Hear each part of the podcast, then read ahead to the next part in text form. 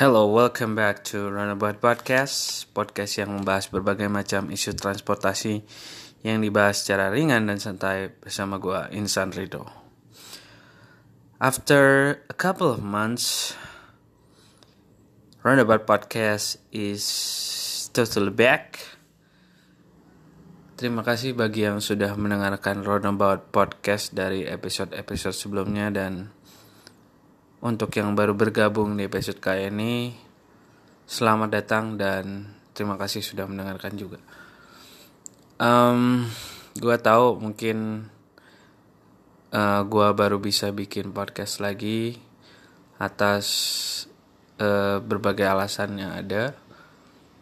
Tapi gue tetap berharap bahwa bisa bikin podcast yang konstan itu perlu usaha dan upaya yang lebih dan gue harap gue bisa melakukan itu ke depannya. Jadi um, tanpa berpanjang lebar lagi, gue pengen ngebahas langsung ke permasalahan yang gue coba dalami di episode kali ini, yaitu mengenai aksesibilitas di Jakarta. Yang gue lihat mengalami banyak perubahan berapa waktu ke belakang ya, terutama semenjak Asian Games sampai detik ini banyak banget perubahan yang ada.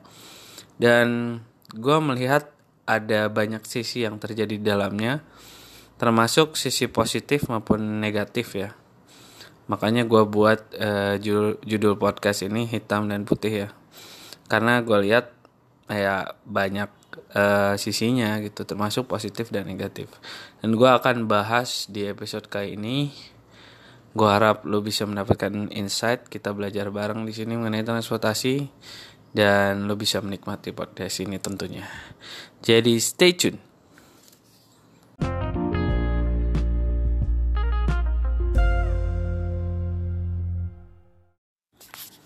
Oke, jadi mengenai topik hari ini yaitu mengenai aksesibilitas di Jakarta yang berkembang cukup pesat dalam beberapa waktu terakhir. Um, ini mengundang banyak uh, apa ya impresi dari gue dan gue punya banyak sisi sih terutama untuk menanggapi hal ini. Tapi sekarang gue akan coba bahas dari sisi positifnya dulu. Uh, banyak banget yang mengapresiasi apa yang sudah berubah terkait aksesibilitas di Jakarta. Yang mungkin lu semua udah notice adalah semakin banyak uh, open spaces atau ruang terbuka dan juga pedestrian area, area pejalan kaki yang semakin membaik. Kalau lihat di beberapa titik seperti di uh, Jakarta Pusat ya, terutama dan berapa titik di Jakarta Selatan itu rata-rata trotoarnya di jalan protokol itu sudah cukup lebar. Bahkan mungkin uh, sudah bisa mengakomodasi banyak orang di sana. Tidak hanya orang mungkin um, tapi juga beberapa pengguna jalan yang sering di apa ya seling dalam tanda kut dalam tanda kutip dilecehkan oleh kendaraan bermotor ya seperti pejalan kaki atau penyandang disabilitas akhirnya sekarang mendapatkan uh, akses yang lebih mudah dengan banyak uh, trotoar yang sudah memadai gitu ya terutama yang sudah dilewati uh, moda transportasi umum seperti MRT atau Transjakarta sekarang sudah banyak yang membaik ya terutama di kalau lihat di sekitar Sudirman itu udah benar-benar memuaskan sih menurut gue karena sekarang semakin terbuka banyak sekali spot-spot yang membuat orang semakin mudah untuk berjalan kaki atau menggunakan sustainable modes of transport seperti skuter atau sepeda dan banyak modal lainnya yang ramah lingkungan tentunya dan ini merupakan tanda yang bagus ya untuk kita semua terutama orang yang memang concern terhadap uh, transportasi yang berdampak pada lingkungan, berdampak pada sosial juga, dan tentunya dampak dari kemacetan ya. Dan gue uh, sangat mengapresiasi hal ini. Artinya bahwa uh, pemerintah Jakarta memulai menaruh concern yang besar terhadap uh, ruang terbuka ya. Dan selain itu uh, di samping adanya ruang terbuka yang semakin banyak beberapa waktu ke belakang berapa hari mungkin ya minggu lalu mungkin kalau nggak salah uh, pemerintah Jakarta ini mulai menggalakkan adanya jalur sepeda atau bike lanes ya.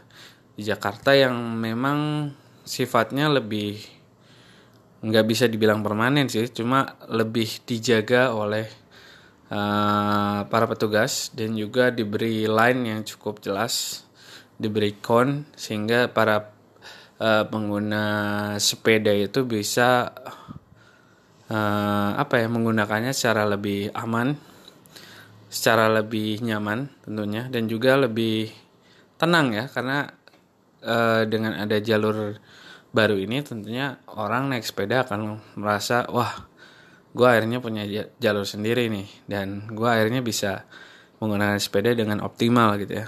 Nggak perlu takut untuk uh, diambil alih jalurnya atau mungkin bisa keserempet oleh mobil atau motor walaupun sekarang masih bisa aja sih cuma setidaknya ada jalur khusus lah gitu. Dan itu membuat uh, orang semakin enak gitu untuk menggunakan sepeda gitu. Berapa titik yang gue lihat di sekitar jalan Medan Merdeka lalu juga di Jakarta Selatan beberapa poin juga sudah ada bike lines dengan konsep yang sekarang lebih lebih bisa dibilang lebih aman lah gitu dibandingkan dulu-dulu ya saat nggak ada sama sekali pembatas eh, jalan dalam bentuk garis gitu. Dan juga ada kon-kon itu.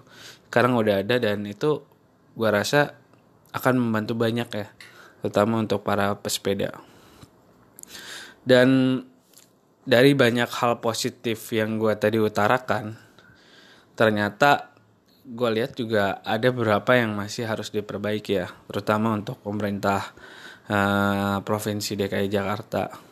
Dan sebenarnya yang paling krusial tuh menurut gue akar permasalahannya adalah dari kebijakan yang menurut gue ada yang saling bertolak belakang dan juga ada kebijakan yang menurut gue kurang inline lah dengan uh, kebijakan kota uh, bukan kota Jakarta sih maksudnya di provinsi ja Jakarta ini pada umumnya.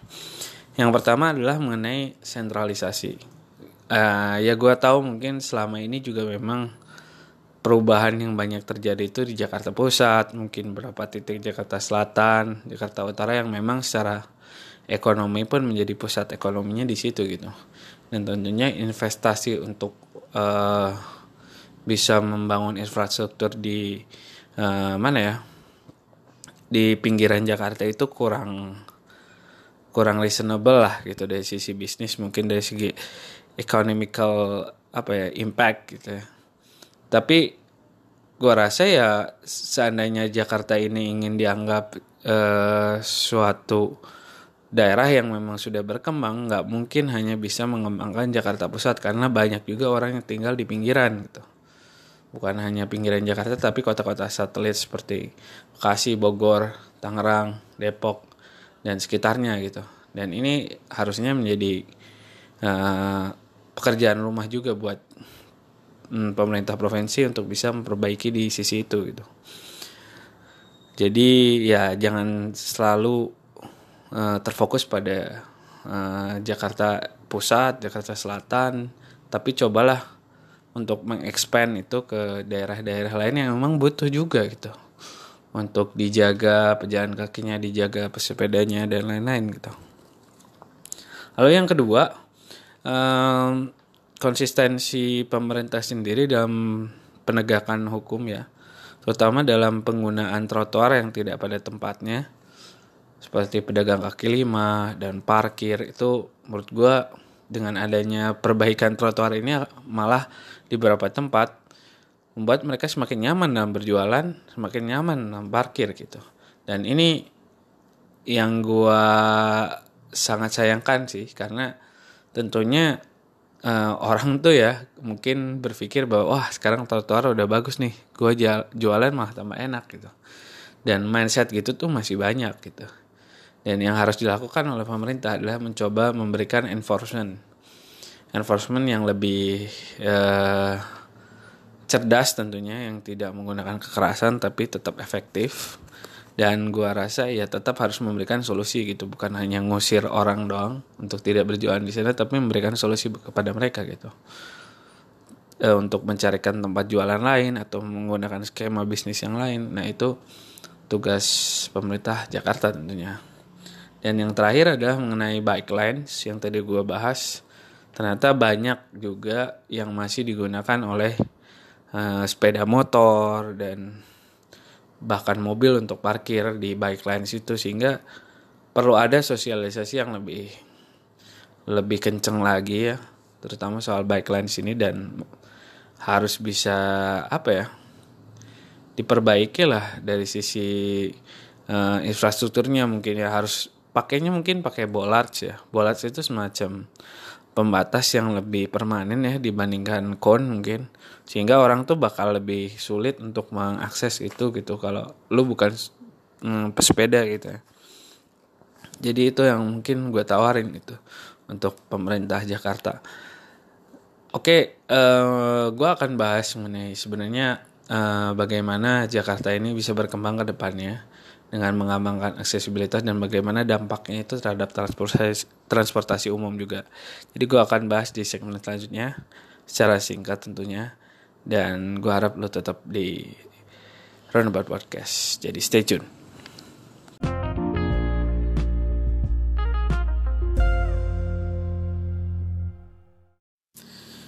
Ya, tadi gue udah membahas mengenai uh, berapa sisi positif dan negatif yang ada dari pengembangan aksesibilitas di Jakarta. Sekarang gue pengen sedikit membahas mengenai bagaimana dampaknya terhadap transportasi umum gitu dari perbaikan ini. Jadi ya hmm, mungkin report selama beberapa waktu terakhir gue melihat memang ada dampak yang cukup positif ya dari segi ridership atau penggunaan transportasi umum itu dari uh, pembangunan yang ada. Walaupun uh, bisa dibilang korelasi dan uh, causationnya tadi belum bisa kita pastikan gitu. Apakah memang benar-benar karena uh, perbaikan aksesibilitas atau tidak itu gue belum bisa pastikan. Tapi yang pasti ada uh, indikasi bahwa perbaikan ridership yang di transportasi umum mendapatkan ini karena aksesibilitas yang membaik. Misalnya Transjakarta. Uh, Transjakarta ini gue lihat berapa bulan terakhir mengalami um, kenaikan uh, penumpang yang cukup signifikan. Kalau nggak salah penumpang mereka menjadi salah satu yang tertinggi uh, rekor mereka selama ini dalam beberapa waktu terakhir. Dan juga mungkin komuter lain walaupun memang komuter lain ini tidak berdampak secara masif karena kan jalurnya memang sudah tersendiri untuk komuter lain tapi seperti titik seperti di stasiun Sudirman lalu berapa stasiun sekitar Jakarta Pusat itu memang menurut gue sudah terdampak juga pastinya. Tuh dan selain itu juga MRT uh, eh, berapa hari yang lalu gue lihat uh, penumpangnya mencatatkan jumlah penumpangnya tercatat tertinggi ya sampai saat ini. Sehingga ya secara logis sih harusnya dengan aksesibilitas yang semakin mudah itu bisa menaik meningkatkan lagi sih dari transportasi umum ini supaya lebih bisa digunakan secara masif dan juga bisa semakin banyak itu orang yang menggunakan dari segi apa ya uh, distribusi orangnya itu ya bisa dari daerah lain, bisa dari uh, pinggiran kota Jakarta, era itu yang bakal jadi PR buat uh, pemerintah provinsi Jakarta untuk bisa mengembangkan ke arah sana gitu. Jadi mungkin itu dulu dari gua di episode kali ini.